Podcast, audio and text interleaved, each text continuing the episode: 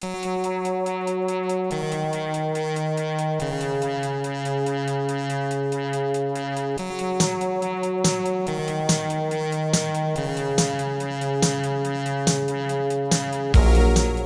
to First Draft with me, Sarah Enni. Today I'm talking to Margaret Stohl, co author of the New York Times best-selling Beautiful Creatures series and author of Icons, Idols, and the forthcoming YA book based on Marvel's Black Widow. Using her author connections, her endless amounts of energy, and sheer determination, Margie founded YALLFest, an annual YA festival held in Charleston, South Carolina. It's basically the anti Book Expo America, where authors and readers are in close proximity with plenty of time to interact, and everyone ends the experience by jamming out to Tiger Beat, the YA author band fronted by Libba Bray. This year, Margie is expanding the festival to a West Coast location. YALLWest will be held in Santa Monica, California in April.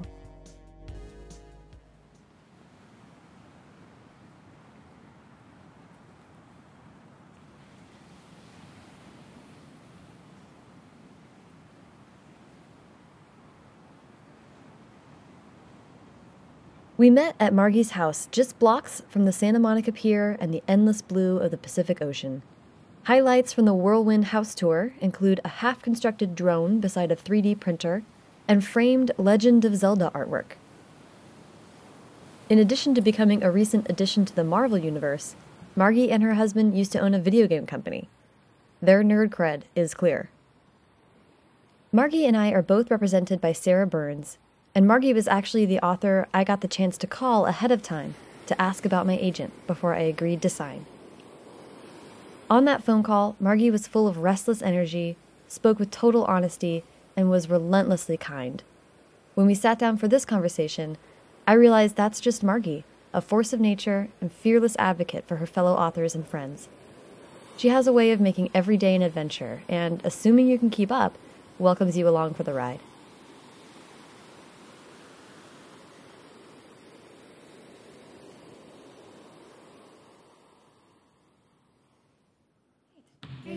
How are you? Great. How are you? Great. Um, so thank you so much for having me over. We are in your beautiful home. Yeah, glad to have. So uh, I like to start at the beginning, which is where were you born and raised? I'm a Los Angeles girl. I was born in Pasadena, which is about 45 minutes from here, which is still where I go sometimes to write with my very oldest friend, who's a middle grade writer named Pseudonymous Bosch. I didn't know you see your friends when you from when you were kids. Yes, that's how I got published. Actually, was I he sent my manuscript to uh, Sarah Burnes without even really telling us. That's right. That's right. Okay, we're gonna get there. But Yeah. I sort of I'm curious about how you came to writing because in looking at your profile, you are super smarty pants and you went to school for like hundred years to Stanford and Amherst. And how did you were you writing during this time? What- I am 100 years old, so I've done many, many things like Gandalf the Grey I've done many lifetimes. And uh, I always knew I was I would be a writer. I always was a writer, but I first identified as a reader, and I think I probably still do, and I think that's probably the case with a lot of writers. So I was one of those people who. I guess I was working on my ear in a certain way for many, many years. But when I was five years old, I um, I was writing. I was a little older and wrote a story called Princess Primrose about a wizard named Gandalf. Funnily enough, and when I was told there already was a wizard named Gandalf, I accused the other writer of plagiarism. so, I uh, I went to a progressive school for strange gifted children, and we could schedule whatever we wanted to do because it was the 70s, which tells you how old I am. So I scheduled reading room, you know, just reading corner every day. And uh, I did not do any math ever. I learned my times tables on the playground out of shame in sixth grade. and so, sort of, one half my brain was maimed for life after that. But I developed a lifelong passion for reading, which was really how I got into all those fancy schools. I had an English teacher who said, this person is the worst math student I've ever seen in my entire life and the most well read student I've ever had. And Amherst College was a great college. It was really small, so there was nothing you couldn't do. So I wrote a play there and I put it on. It was a five college production and it was pretty big time. It was also the playwriting series that gave birth to the uh, actor Jeffrey Wright, who went on to do stuff, famous stuff. But um, he was Basquiat and um, in um, a bunch of other things. But um, Yeah. and so that was kind of the beginning. I ran the, I started the Woman's Literary Magazine with the not at all pretentious Emily Dickinson quote for a name, Madness, comma, this. That's you can awesome. Still look it up in the archives. Ah. And, you know, won the English prize. So I never wanted to leave that school. I was so happy and so empowered. And I think that was the place where I felt like people were interested to know what I had to say. And I think that's the gift of a liberal arts school. And then after that, I also went to a creative writing program in England that uh, while I was there for my junior year, which was fabulous in a totally freeing, different kind of way. And more than that, kind of saw the world and wandered around, which I'm a big believer in, travel. Yeah. And um, then after that, uh, didn't know what to do. Worked as a reader in Hollywood, or more lived in New York and worked as a reader remotely. Wrote a couple screenplays with my longtime old, oldest friend, who I had also written the play about Oh, really? in really? college, Pseudonymous Bosch. Wow. And then um, applied to graduate school. Began graduate school at Stanford. Met my husband. He was an undergraduate, so that was very scandalous. He, uh, he was a senior, and I was a first year grad student. We got engaged. I did American literature always. I was interested in great stories of Amer- the American Yeah. um, sort of cultural identity making. Partly that's because my family, though I'm not, is Mormon, and so I uh, I had written um, about pioneer journals and women narrative, you know, sort of uh, gendered narrative um, uses of language, and I worked on a lot of shipping documents and manifests and trappers journals and Yeah. Polygamous journals and anyway i was an americanist through and through but when i look back i was really just studying stories. And that's also what drew me to the south. I did a lot of work with you know various southern writers. Was a big fan of eudora welty and did some twain stuff and had um, some really great professors at both stanford and yale Mm-hmm. which is where i went i transferred into their american studies department when my husband went to law school Oh, okay. So it was a transfer because yeah, I was. so I have a master's from Amherst. I mean, uh, a bachelor's from Amherst, a master's from Stanford because I dropped out of their program when I transferred. Mm-hmm. And after a year, you can get a master's. And then Right. um, at Yale, I finished all my classwork for a PhD in American Studies, but I never went on past that. You never did a dissertation. No, I taught. I was a TA for film, film studies, intern film studies, and I did romantic poetry at um, Stanford. But that whole time, I was also working um, on screenplays with Pseudonymous Bosch. Wow. So you were co-writing then as well. Yeah, and that's in the early days of like, like it was so hard to send a file over the internet. Like Yeah. one out of every ten times it would go through. Wow. Enter X here, enter Y here. It was like a miracle what happened. we can actually look at the same document. It's crazy.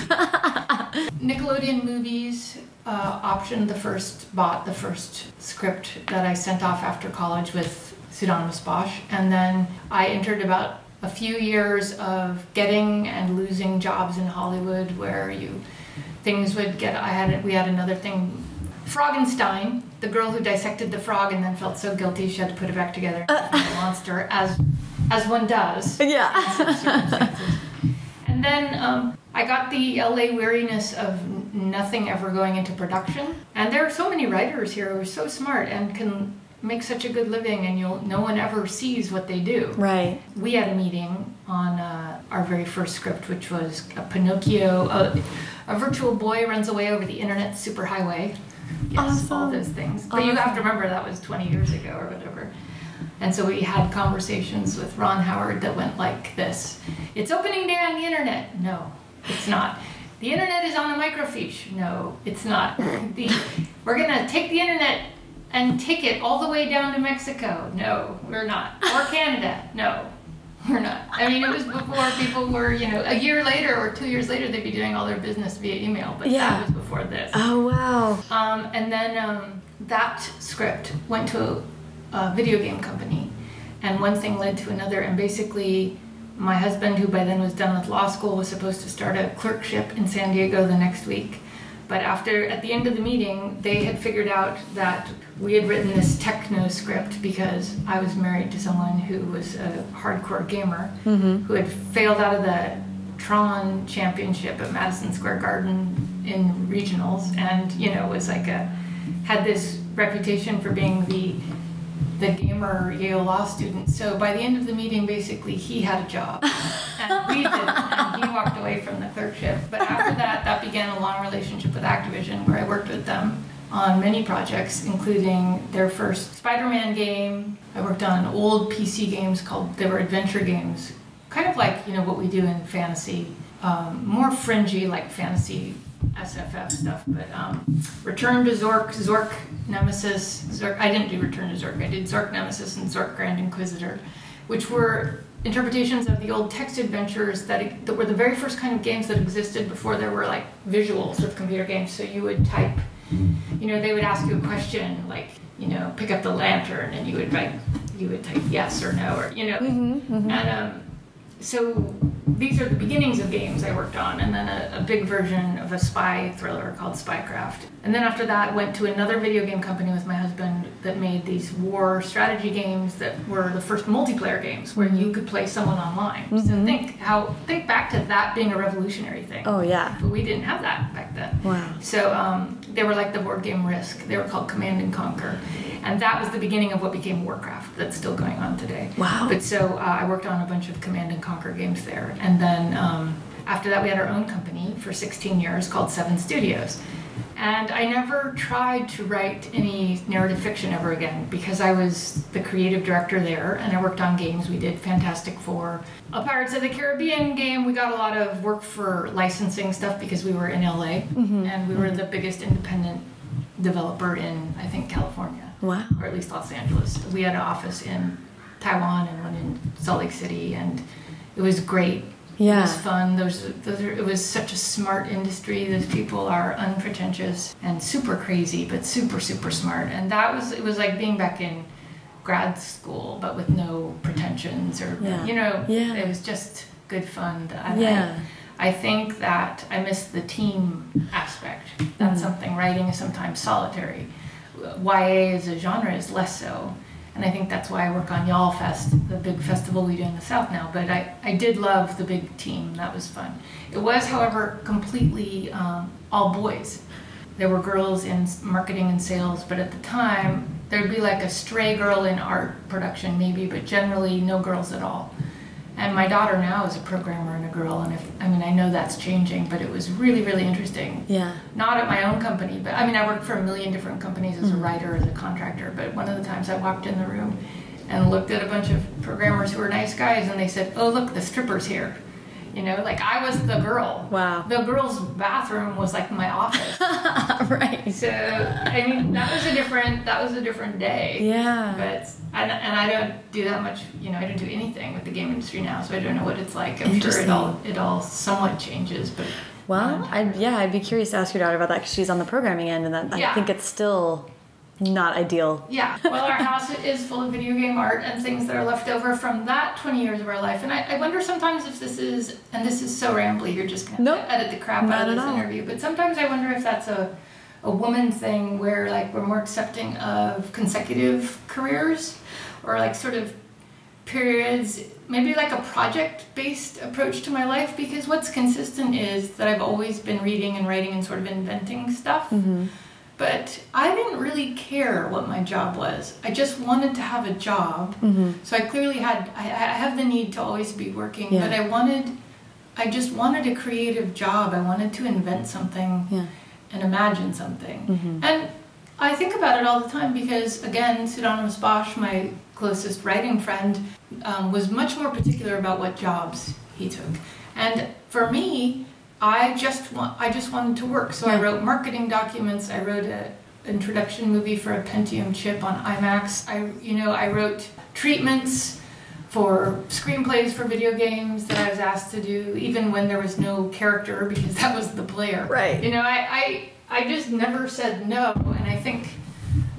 I think that's a quality I recognize when I talk to a lot of other writers, and to different degrees, everyone approaches it differently. But like Melissa De La Cruz became a journalist to become a writer and right. spent a five year detour in fashion and beauty in magazines as she moved towards because someone said that will help your you know your voice. Basically, like it's just a lot of really really hardworking people Yeah. kind of heard the criticism or heard what they needed to do and kept going forward. Yeah. And sometimes I think people think it's more magical than that, or or more perfect than that, or less hard, and it's really not. And and in some way, Kami and I, um, we wrote our first, you know, my writing partner and I on Beautiful Creatures. We wrote our first book together. We had no idea how to write a book. We sat down and wrote it, and that book was published, and that book became Beautiful Creatures. Right. And that book became, you know, a number one bestseller all around. But that was not an overnight success. I was, you know, 40 years old. I had failed at a lot of things. Right. I had I had succeeded and failed at a million things. Mm-hmm. I had been in the harshest meetings, had the harshest reviews, had someone send an email with a photo of my house to my house saying, "I know where you live. Stop making, you know, X, Y sucks." You know, like Wow. which is what gamer Yeah. responses can be like. Yeah. So I think all of that was grist for the mill in getting towards feeling like I could do things or feeling like I was fearless or feeling like I was thick skinned. But it took me a long time to get there. Yeah, well, okay. I do want to ask about writing for video games. I'm, I'm curious about how that process worked and then also how that thinking in that way and has informed your novel writing. Definitely, I learned how to. I first imagined worlds because I read fantasy. Mm-hmm. So the most formative books on my brain were C.S. Lewis, The Lion, the Witch, and the um, Wardrobe. I sat in my closet like so many other kids, waited to be taken away by Aslan. Nobody ever came for me. Spoiler alert. I was the head of the Dark Is Rising fan club in third grade. Really? Susan Cooper, um, Diana Wynne Jones, but um, kind of old school, so imagination fantasy. That's what I came out of. Video games is where I learned about how to build a fantasy universe, which is slightly different than how to love one. And that was where I learned about sort of precision and detail and you know what does the other side of the building you can't see look like? And what what does the rule you know like i can't because we were limited by a polygon count and just the math of how much world we could hand you at any given time there was always the issue of what are the important details? What will evoke the world you know so in a way i learned where to set the camera mm-hmm. when i was writing. You know i learned that lighting conveys a lot of things. I learned about sort of visual i'm not i'm not by nature a visual person but a kind of visual imagination or like the rule set of a space or what would you have with you or what would make you stronger or weaker mm-hmm. or, you know all, all of those things in beautiful creatures and kami my writing partner came to this also through comic books but you know you have a rule set you have consequences magic has a weight things matter the, the choices you make matter. The universe only has sort of heft and weight to the degree that you acknowledge it and believe it. Mm-hmm. So it's real, so it has to all be treated incredibly real. As a result, beyond the universe you invent, you're largely writing a contemporary novel. You're writing real feelings mm-hmm. because all stories are true. Just the mm-hmm. true stories I write are, are set in in magical worlds because I that's how I live. You mm-hmm. know, that's where I live in my head. But um, but the experience of you know we don't write sort of less humanity in our characters. So that's Yeah. kind of an interesting thing to balance. Yeah, well, and I like what you said about that. Also, I'm thinking that uh, keeping track of the universe and having such um, such a awareness of and, and responsibility to the rules of that world Yeah. must have been incredibly helpful for writing a long series and spending that much Yeah. time. You set so, you set something in motion in book one, you have to go back and reference it even now in your spin-off series. Yeah, no, for sure. Um, everything came out of a conversation always, and everything came out. I mean, things return back over and over to the detail of that first conversation, but we definitely we drew it up diagrammatically. Kami's husband also made video games, so she was really, Really? used to the thinking. Wait, And you said she's coming from comic books. Do you mean she was a comic book fan? She or was she- just a fan, a reader. Okay. She was my daughter's third grade teacher for all three of my girls. Wow. So we became friends because we were sort of the two people who liked books in Los Angeles. That's what I always joke to the Hollywood people. They option, they may option books, they just don't read them, Mm. Totally not true. but we loved books at our school, and uh, we became friends. She taught fantasy book clubs at my house. Okay. And really, we came up with the idea for Beautiful Creatures over a long lunch at a Mexican restaurant here in Santa Monica. And I came home and told my then middle school oldest daughter about it, and she laughed at me and said, You'll never do it because you don't ever finish anything, which was only sort of true. And I said, Oh, you little brat, you're, it, it's on. I will show you. And it was on, and basically, I called Kami and said, That thing that we said we were going to do, that we weren't really going to do, we are totally going to do that thing now. And she said, Damn straight, I always do what I say I'm going to do. I'm a, I'm a teacher. So we wrote it, s- switching chapters back and forth like serialized fiction. It, and my kids commented, and their friends, and Kami's sister, all the way through. And we didn't care if it was good. We just Yeah. wanted to show them we could write a book. Yeah. And so we did. And we didn't have a plan. There was no publishing plan. There was no. I mean, this sounds terrible. There was no querying. There were no excerpts. There was no professionalism to any of it. There was no understanding. You know, at that point, I still had a company. Like I didn't. Mm-hmm. I did, wasn't looking for a job Yeah. and neither was she. She was a full time teacher, and we just did this thing, and then we had this thing. I we were going to put it up on a website because that's what my family knew how to do. And then Pseudonymous Bosch said, "You guys are idiots," and basically stepped in. So anyway, I don't know. Sometimes I think it's true, and uh, you know, it happens differently for everyone, and brains are all so different. That's really what I learned um, working with a writing partner that's that was probably one of the most valuable life experiences I've ever had. Just how different people can be, and as a child and then as a teenager, and I think even as a evolving grown up, you think things are kind of like how you think they are, and Mm. just people's brains are so wholly different, and something that seems like such a big deal to someone it's the other person is so oblivious to. And it was great having a writing partner. It's like another kind of a marriage. And it really helps all i mean i'm sure it helped raising my kids and my marriage just sort of this understanding and accepting of true difference in the world and i and i think with every country that published the books and every you know now i've talked to readers in taipei and europe and malaysia kuala lumpur singapore and Hong Kong and the Philippines, you know, and all around. And it, I've seen that the the books are received so differently everywhere, and they mean such different things to everyone. And, and readers are just as different as you know they have as different brains as your writing partner. And there there is common experience. Obviously, something you know, The Fault in Our Stars hits a chord. It hits a chord everywhere, but I'm, I'm not sure it's it's ever really the same chord. You know Right. after a while. Yeah. that's that's been just a fascinating experience. You know, there's all different kinds of books, and they're sort of naturally. You can't um, write to the marketplace, and the marketplace, even if you tried to have it control everything about you, you are not a marketplace. Mhm. So, you know, you could make fun of Twilight all you wanted, but you couldn't write it Mm-hmm. you know, because that was her. That was Stephenie Meyer. And everyone, you know, has their own sort of version of a genre in them. Yeah, so yeah, it, yeah. it's not sort of like we produce consumer goods Yeah. in a strictly put it in the box and put it on the shelf kind of a way. Yeah, yeah. Well, and I, I do want to ask a little bit about because I read a couple interviews where, where um, and just mentioned that you had your daughters and um, and actual teens help you in the process of writing the very first books, and I really love that because not only were you not writing with any like pressure, but you were actually writing. You knew right out the gate this was a book teens wanted to read. Well, I mean, also, I did. I, and Pseudonymous Bosch always says it's much easier to write when you know who you're writing for. And I think that's really true. This was essentially, a, it was like telling a bedtime story.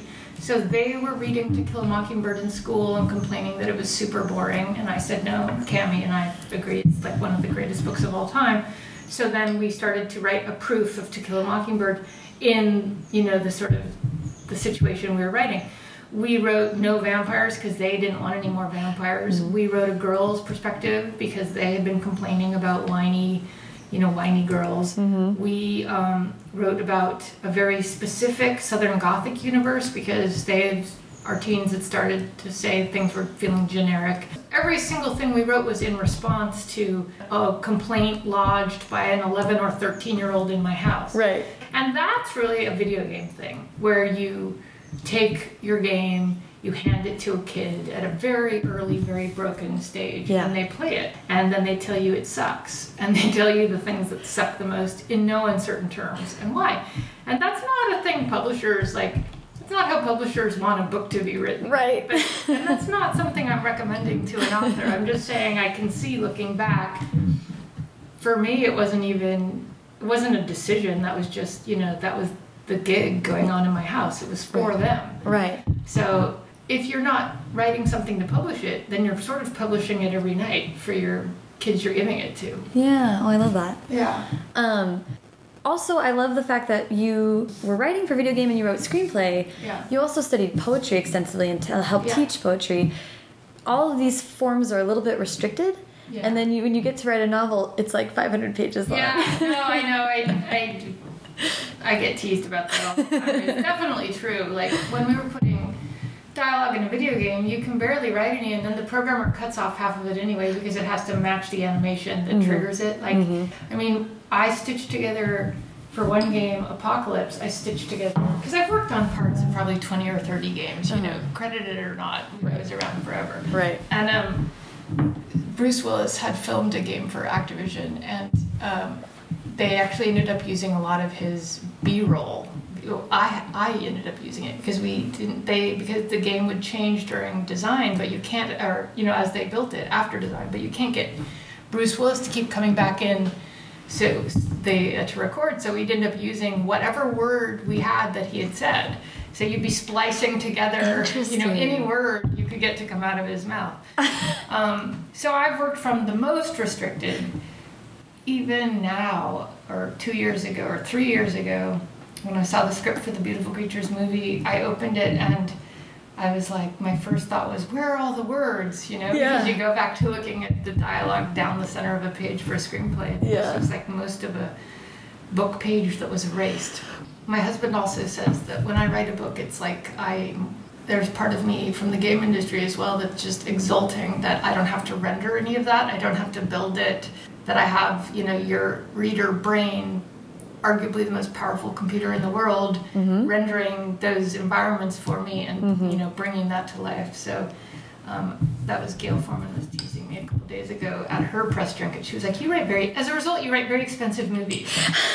it's true, and maybe that's from growing up in Hollywood that I'm never thinking about anything but the fact that this world can be crazy. This world can exist in a way in your brain and in my brain that it can't exist anywhere else. And I think that's that's part of the deal for me. Yeah, but it's interesting because you also said you're not naturally a visual thinker, No. but you did also get your start in screenplay. So I'm kind of curious about.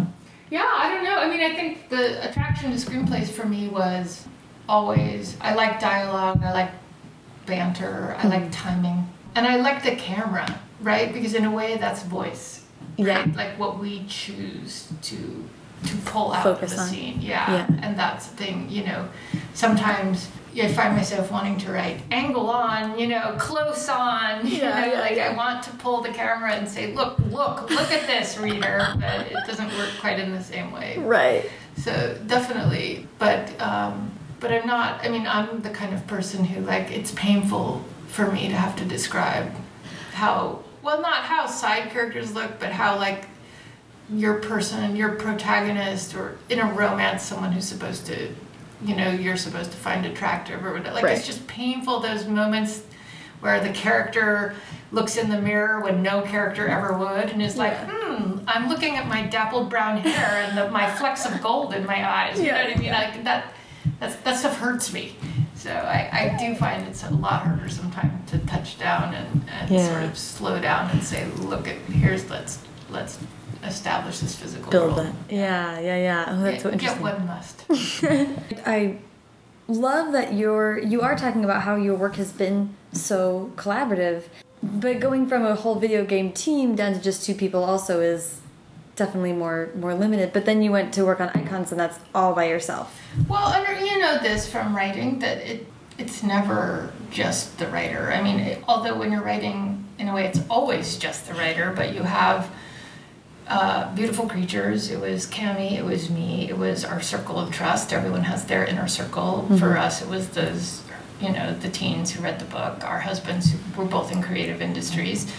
Uh, your agent, you know, and then later in the series, we had two agents. We have our own editors. We have we had an editor who was with us at the beginning on the project. We have our editors now. We have copy editors. We have you know the people working on the other 50 versions of that book. Yeah. We have the covers and the this and around the world, and then there would be the movie people, or there would be the graphic novel. But you know, it never Yeah. felt like a.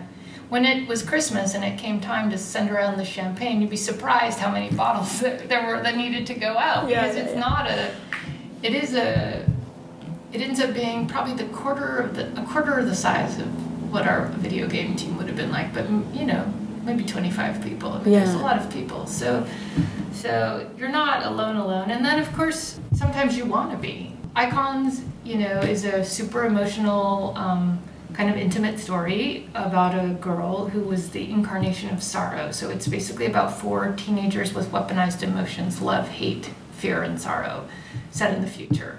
And it was sort of a study in humanity during, um, which I set during an alien occupation um, in Los Angeles because I had just been reading Childhood's End by Arthur C. Clarke and I was you know, where spoiler alert, the narrator sort of watches the the destruction of the end of the world, you know, um, and uh, I was in the middle of a, I was in a dark, like depressive cycle, and I was wanting to kind of write my way out of the darkness I was in. So I did what any good Los Angeles girl does, which is destroy her town, which you know, all dystopias. I said this to Marie, Marie Lu and I were talking. She's my neighbor, and we basically said all all dystopias are are destroying some version of Los Angeles, but. But um, and then every one of those books is set in a different country. So I wrote the second one in um, Thailand, in the jungle. It was really fun. I learned to give elephants baths. I worked in the elephant preserve. I wrote in in literally in a teak forest in a writing pavilion in a jungle. It was amazing. Wow. And and that was a totally different experience that wasn't as familiar. It was sort of about being as far away from familiar as I could be, but still a deeply personal uh, Yeah. book. And then there's uh, one book left in that. It's a Mhm. trilogy, which uh, I haven't talked about yet, but I just went and researched that in Eastern Europe. But the um, the point of all of that is sort of the thing I was saying before about big stories and small stories. You have these things that take over your life or haunt your life or like just sort of this content you need to get out there into the world and some of it fits into some through pure luck more than anything else hugely commercial books and some of it fits into the sort of the quirkier ones and i'll have readers who come up to me and thank me for the quirkier ones to a degree that no one will for the other you know i mean Yeah. you just can't win that game and you just have to sort of accept what comes Yeah. whatever way it comes Well, I want to ask before we get too far from from it. I want to ask about. Um, I thought it was, and our we share an agent Sarah Burnes, and she sent me icons, which was so so nice of her, and uh, had a little post-it note that said. Uh, this is Margie's Big Feel book. Yeah. she calls it her Big Feel or, or something like Big that. Big Feels Yeah, big feels. And then you said in an interview a line that I thought was so interesting is um, that you're a longtime sufferer of big feels. yeah Capital B, capital F. yeah What What do you mean by that? Well, I'm uh, I'm like a lifetime anxiety, general anxiety disorder, and depressive case. I have been my whole life. I come from a depressed family. I've written openly about that. My daughter as well. Um, I have three daughters, and I wrote about this. I actually excerpted it into Ned Vizzini's um, obituary in the LA Times. You know that like his writing became critically important for my own child in a way that your mom's writing is never going to be for you.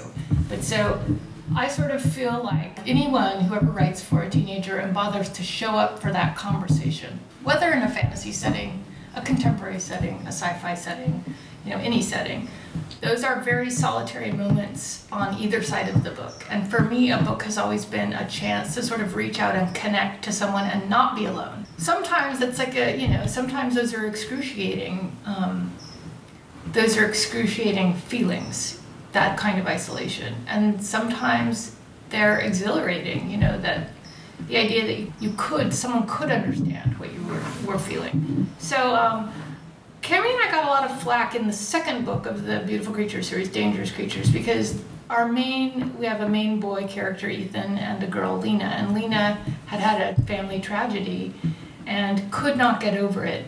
And um, we got flack for writing sort of a depressive teen. And I was like, oh my God, have you met a teenager? You know, there, there are so many things to go through in that particular growth phase. So we always were pretty firm about that. Yeah. That part of wanting even a magical universe to have real life heft and consequences is it had to matter to somebody and it mattered to us and it turned out it mattered to our readers but um, yes i think it's really important for people, I think uh, most writers struggle in some way or another to get through the day.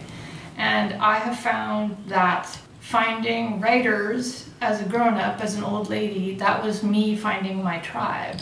And most of them can generally understand what I'm going through or, or are going through something themselves, and that's what turns us to a slightly, you know, to step outside the world and write about it. And I, I just think we've reached a point in our life that's so great because it wasn't like this when I was growing up, that you can be really open about all that. And I kind of feel like it's my job. I can't be a role model in a lot of ways because I'm just too broken down myself, but I can talk about that. Mm-hmm. And so that's kind of what I do. But that's also how you end up writing a book from the perspective of sorrow. Right, right. I was like, I said to my agent, Sarah, our agent, you may not realize this book is about chemical depression. She said, Oh, you think?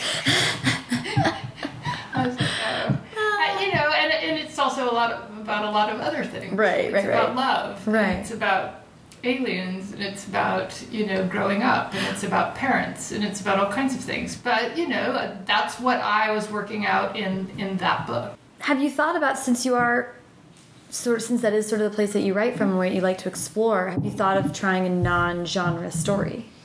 Uh, you know, I never think I write like I don't think about it as genre because for me it's all super real.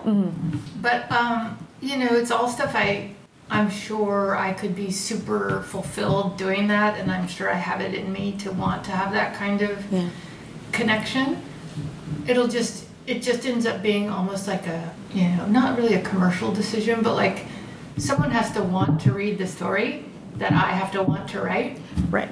And my readers read for love and magic. Yeah. So, or aliens. Yeah. Depending on, you know, so it would just be like, it would be, does some publisher want to start over again with me and, re- you know, other Right. readers, which, you know, might be great. But like for me, I have probably 10 different partially written manuscripts right now because I write a, about 100 exploratory pages where then I feel what, what if I want to do. Mm-hmm. And, you know, right now I'm having so much fun um, working with Marvel YA for the first time. So that's the gig I just announced at Comic Con that Disney Publishing is bringing Marvel YA to the uh, to the shelf, and I'm kicking that off. So I'm not actually allowed to say anything about it, but that has been like a return to my video game roots. And so having worked with Marvel on um, Spider-Man and Fantastic Four, it's been super fun to sort of have that full circle wholeness coming back around to, to what I do. The okay, and I do want to talk about place a little bit because you mentioned the um, writing about the South and, Yeah. and having a love of the South, and then building and destroying a Los Angeles, and now Dangerous Creatures is New York. What do, and and you've been able to travel for um, to get a sense of place for your other books. Does setting come to you early on in the idea for a story? How does setting play in your creative process? Um, it comes early on. Uh, it's part of the sort of um, it's part of what I steal, right? The magpie approach. To writing. but everything, I, everywhere I go, doesn't necessarily stay. It's not as literal as that. Like for all the years I was writing beautiful creatures books, a lot of the magic came from when I was in Italy in the summers at a writing retreat. So, like, I can look around at some of those scenes and say, oh, here I'm describing this. You know, I, I stole uh, this monastery breakfast room was this tribunal hall. And, you know, this field right here with this old man became this scene in Interesting. beautiful chaos and Yeah, it's really yeah. a farmer i was walking in a path in puglia but you know like i so it, it, it all transposes in a certain way Yeah. um, but i suppose i mean you could argue that i'm not creative at all and everything is completely stolen but it's much you know i went to thailand and everything is a color and a smell and a taste and you even if you weren't a writer you would leave two weeks there with a book or what you know it's just it's crazy. And some places are like that for me where they're just so rich. Whenever i'm stuck i take a pen and a notebook and go outside Yeah. and see i could see people on a beach and they would become ragged parade of people who survived a big detonation at the end of icons. I mean uh, like the, it all changes, but it all still is is real in my head. So Yeah. Oh, I love that. Yeah. Um, and with Los Angeles, I, I'm curious about both about the choice to continue to come back and live here, and how the city plays into your creative life or how it doesn't, and how, what I, it was like. I think about Los Angeles all the time. Yeah. I was just telling you this because I always think, what am I doing here? It's so expensive. It's you know I don't not my husband's retired. We don't need to be here. And I love we go to Charleston for to you know we work on Y'all Fest every year and I think what am I what am I doing in a big city like this? But I live in a small town in the middle of a big city. My house is kind of a haven. I love the breeze. I love the ocean. I love the diversity and the clash of street food and I, I grew up here so for me home cooking is a mix of Asian and Mexican food, you know, and I I love the many shades of, of skin here and the colors of human life. Yeah. And I get uncomfortable, um, actually, in sort of in a less of an urban wash than this. Yeah. So it's just about I think it's about what feels like home to you. And I probably can't, you know, like I'm like I feel completely at home in Hong Kong. I felt, you know, I, I, I liked a lot of Taiwan. I like, you know, I, I love Japan. Mhm. I love Italy. I, um, you know, I really liked Poland. Like there are different places that I can connect to for different ways, but Yeah. but I have a harder time in um, like a suburban kind of mini mall community than Yeah. I do in some of the, and that's just from my growing up life more than Yeah. anything else. Yeah, yeah, yeah. And what was it like to? Well, I'm curious about what was it like to destroy Los Angeles and to imagine great. it. yeah, to imagine it as this big I've crazy. done that a lot. You know what? I uh, the first meetings I got didn't become a screenplay. Uh, pseudonymous Bosch and I wrote a screenplay called "The Last Car in L.A." Where we imagined all the freeways grassed over and kind of riding horses up the canyons that are so, you know, packed with cars now. Oh. Yeah. And this sort of post freeway story. And I think that was when I started thinking about sort of LA after the fact. But you have to understand, people who grew up in Los Angeles have been waiting for the big one their entire life, which we know will come in our lifetime. There's like a statistical impossibility that it will not. Right. We have gone through the computer simulations. We've all had this training like in schools Yeah. and growing up here where we know the plumbing goes out of whack, you know, you you can't connect by road, it, it goes over the like the Cajon Pass. Like we know exactly uh, Los Angeles has like played the video of its destruction over and over in its head since I've grown up. So that's definitely like probably in the way someone who was uh, 10 years old during 9/11 in New York has that hanging over their head. This is what I've had my whole life hanging over mine. So Yeah, that's so true. so I have my, you know, I have my uh, Your kit. yeah, my kit and my storage. I have my.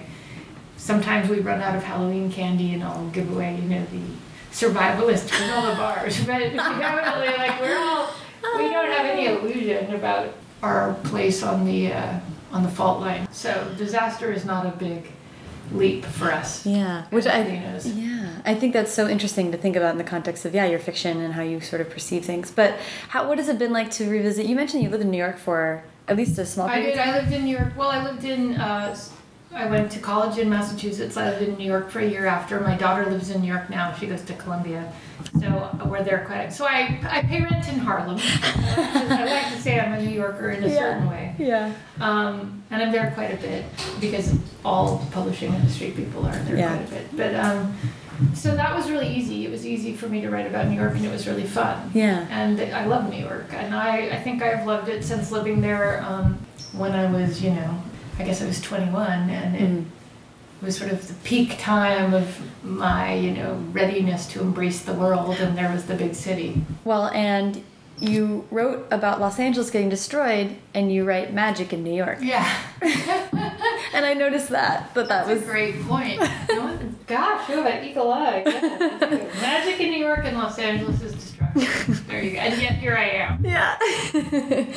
um, so I don't know. I thought that was so interesting, and, and I was just thinking that yeah, it must be a blast for you to just imagine. And Can the, you think who writes magic in Los Angeles? I can't Um, even think of it.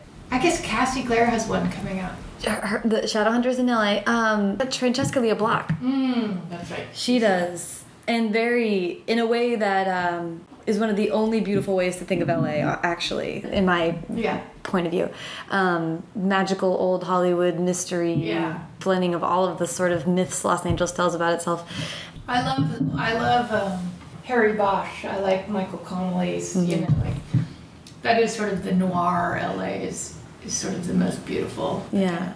Rampart Cops Division scandal, find the body in Griffith Park. Yeah. have a martini at Musso and Frank's. Yeah, yeah. Angels Ride or whatever that is. Mm-hmm. So there's there's sort of a magic to that in a way. But do you miss writing about the South? Um, no, I, I have more projects in my cooker of projects, so I'm sure I'll return to it at some point. I love the South. So the South, I you know I, I connect to it, and I love that we have this connection with Charleston in our fifth year of Y'all Fest, and Yeah. you know we bring so many writers down there, and Yeah. people from the industry. That's been really fun. Yeah, so I do want to ask about Y'all Fest. So, and, and I want to get there by starting just to talk about writing community and when you you you got published by accident initially and but you already knew a lot of writers and creative types so when did you get plugged in with YA community specifically Uh, you know, it was sort of a gradual thing and not a gradual thing. It was uh, there was a lot of chaos my our debut year. Beautiful Creatures was sort of picked out of oblivion by Amazon Oh. and named the top teen title of that year and was their top 10 for their adult titles. And we didn't even know when that happened, we didn't even know any places had top 10 lists or we didn't know about we just didn't know anything about the book industry like literally at all. Right. And we were afraid to show our agent sarah burnes how stupid we were so we never asked any questions. And we had we just never said anything and didn't understand a single thing. So there were a few exceptional moments. I'll never forget Holly Black at SCBWI in LA sort of plucking probably Kami and me up individually. I just remember talking to her myself and her just basically saying, Listen, kid, this is what it's like. Don't read any reviews, no matter what, at all, ever. You will fixate on the one part of the one line that seems less than, you know, overwhelming, even in a totally positive review. And I took that advice. Uh, that was super helpful. I never read anything. Um, I can remember sort of different writers coming and, and stepping up and talking to us. I remember meeting Carrie Ryan really early on. The people who stepped up and blurbed our book, uh, Melissa Marr, Cassie Clare, among others. I remember the uh, collective being taken under the wing of, of the people who did know more and seeing them at various I think we have maybe more um, festivals and conferences and things. So there was there was a lot of that. well and yeah that's um, i'm curious about what was the inspiration to start Y'all Fest I, I will tell you, it was uh, partly. Oh, I know what part of the grassroots thing. Part of getting to know people was a self, an author self-arranged tour before that was a thing that ever happened called Smart Chicks that Kelley Armstrong and Melissa Marr put together. mm-hmm. I think that was my first time seeing like a big group of authors who got to know each other and kind of had this sisterhood Yeah. sort of experience. And that was really sort of a seminal, I think, thing. And then, um, and then Romantic Times, another big grouping of authors. There was one in LA, Mm-hmm. and uh, sort of seeing that function really under the auspices of Melissa Marr, and when I could see one author could sort of put together a festival, and that definitely had an impact on us. But then um, what happened was Kami and I were on tour in Charleston, and we had become friends with Jonathan Sanchez, who's the owner of Blue Bicycle Books, the only independent bookstore in Charleston.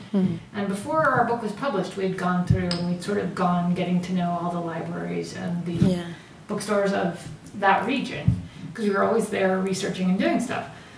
And so we became friends with Jonathan and we arranged to do an event in Charleston uh, right when our book came out as part of our tour. And um, we went back and saw him about a year later and he had just had National Book Fest, which was a DC based festival that had moved down to Charleston uh, from his friend Kwame Alexander, who was in charge of it then. He said they should have more YA. They didn't have enough, it was more just children's. And he said, Will you guys help me? I was thinking we should expand it. And we said, Sure. Um, and Kami is really productive. And I said to Jonathan, you have no idea what you've just done. Yeah, it'll be fine. And um, we lined up authors that was that to come, but then the festival went under from library funding or some other Oh. issue. And then we were like, well, Jonathan, you have 25 authors coming Yeah. just let's rename it we can ourselves be a festival and i had some experience in arts fundraising from italian artist colony i always went to Oh, cool. so i said i know we don't need to be like we do need to become a 501c3 but this year we can you, we can become a sub chapter of a 501c3 so let's get um, let's get coverage and like an arts organization sponsor us and we can do this without the festival. So it was sort of a it was a mix of being so old that we knew how to do it Right. and it was a mix of having a bookstore who knew everyone in town and because it's really like a um, charleston is a charleston based community you've really got to work from within the system Right.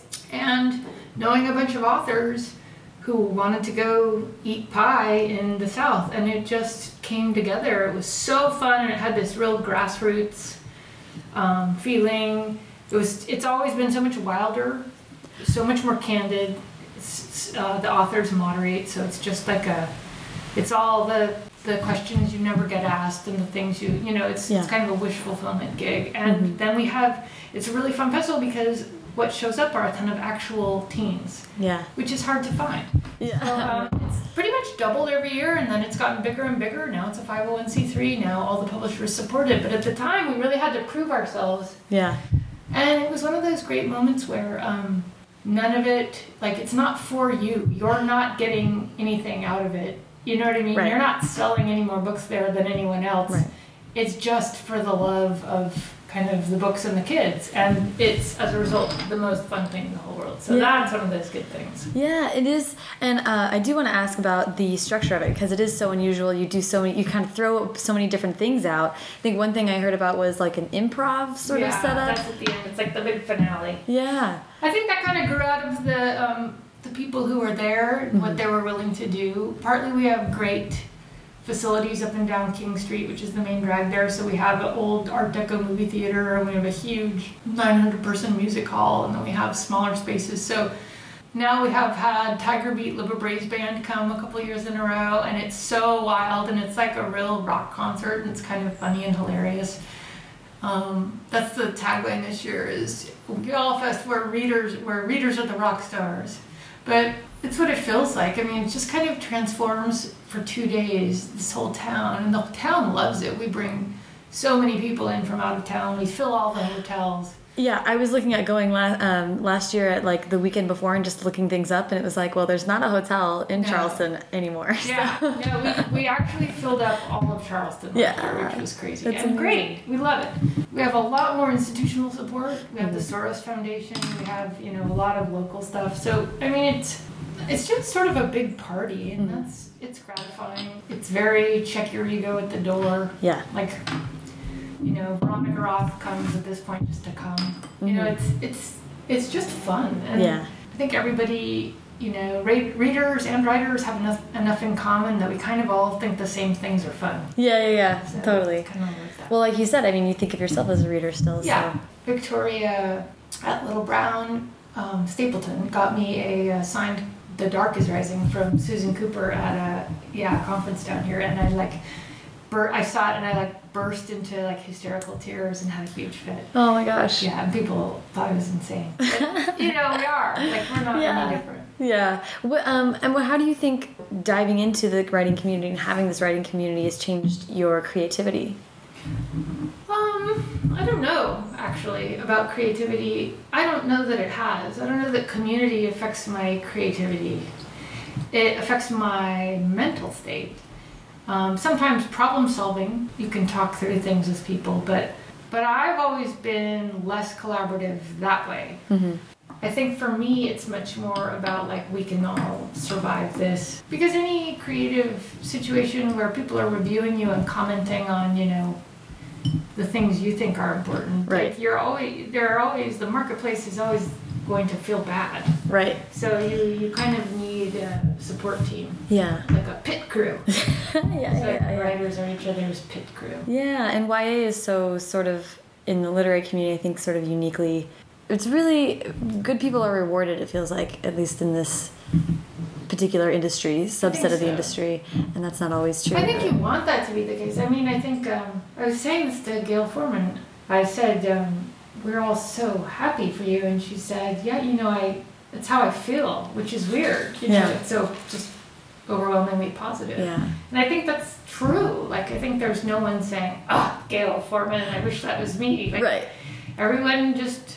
It really is the rising tide lifts all the boats. Yeah. Or that's how it all seems to feel, anyway. Mm-hmm. I can't statistically vouch for the relationship of the tide to the boats, whether in the you know in the situation of the tide or the book industry, but it feels like the rising tide of all the boats. Yeah, well, and you very early on brought up Twilight, and I gotta say that's come up more than any other book in all these series, and it's always people saying, "Thank God, we all have jobs because this changed things. That Sure. book changed things, and it got so many people writing, including myself, and and whoever wants to say a bad word about it is probably not a YA writer. So No, but the point is, like, even Beautiful Creatures written for my kids in response to Twilight, changing the things they didn't like. Right. You know, e- even that is like, that's only like, who knows if my kids even would have been reading books. right, I mean, this is what I, I said this at my panel at Comic Con when people are saying that whether or not you should read YA. My reaction to all those articles is, can you? Isn't that hilarious? There are articles about books in mainstream media yeah, about books for teens. yeah,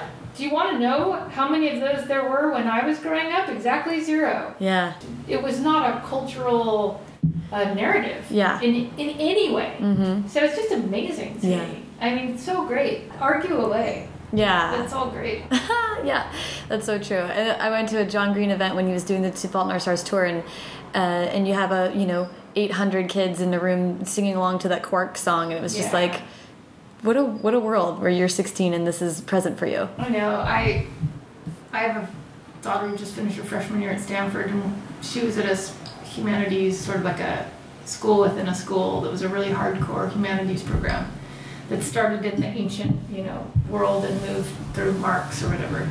And one of the end papers was about John Green and Schleiermacher. Was Really? yeah, philosophy. Oh, study. wow. And I was like, okay, that's cool. Yeah. At the, at the, at the point when your year long, your term paper is a YA book and Schleiermacher, I was like, that you know, you know, you've reached some kind of central mass. Yeah. Oh, that's so cool. Yeah. Um, okay, I've been kind of wrapping wrapping things up with um, with writing advice, but since I know you've gotten that uh, question a hundred thousand times, I want to go a different way, which is saying you're you are establishing a career in publishing, many many books, looking forward, planning professionally what your trajectory will be. What what are some things that you've learned? What's advice you would give to someone who is starting out kind of a career path in publishing? Don't burn your bridges. Increasingly, there are, um, as in any industry, the movement, there's equal parts sort of hiring of jobs and and looking to buy your creative work, and no one wants to work with people they don't want to work with. Right. And um, it's easy to get caught up in the five minutes of ego that you might get for any positive thing that comes your way, but we're all just regular Joes at the end of it, and life is long. There's so many stupid things I did in my 20s, you know, that I wouldn't have done now. And I, I just think life is long, behave yourself. And um, also understand that your team matters. So surround yourself with people who you can truly communicate with. Find an agent who you can actually have a conversation with, someone who you don't have to take a Xanax every time you talk to. You know, find find people in your life who support you and make you a better version of yourself. And by the way, not just for your career, but for your whole life. Yeah. And um, and I would say, tell the truth. Write the stories that are true to you. Be honest in all your dealings. Just tell the truth, and you'll be fine. That's my advice. Yeah, I love that. That's really beautiful. Well, thank you so much for chatting. Thank you for coming by. Oh my Super fun. gosh. I hope you have a very good editing stick. Because, uh, Ah, no. you need to throw two hours of that away.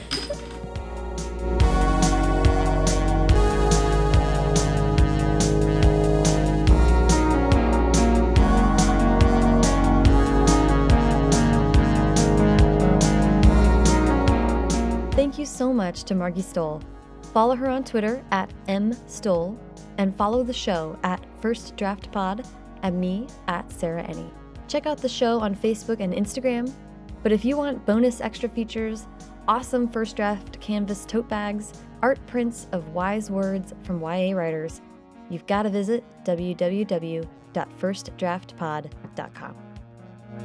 Thank you so much to Hash Brown, who composed the theme song, and to Colin Keith, who designed the logo. And thank you so much for listening.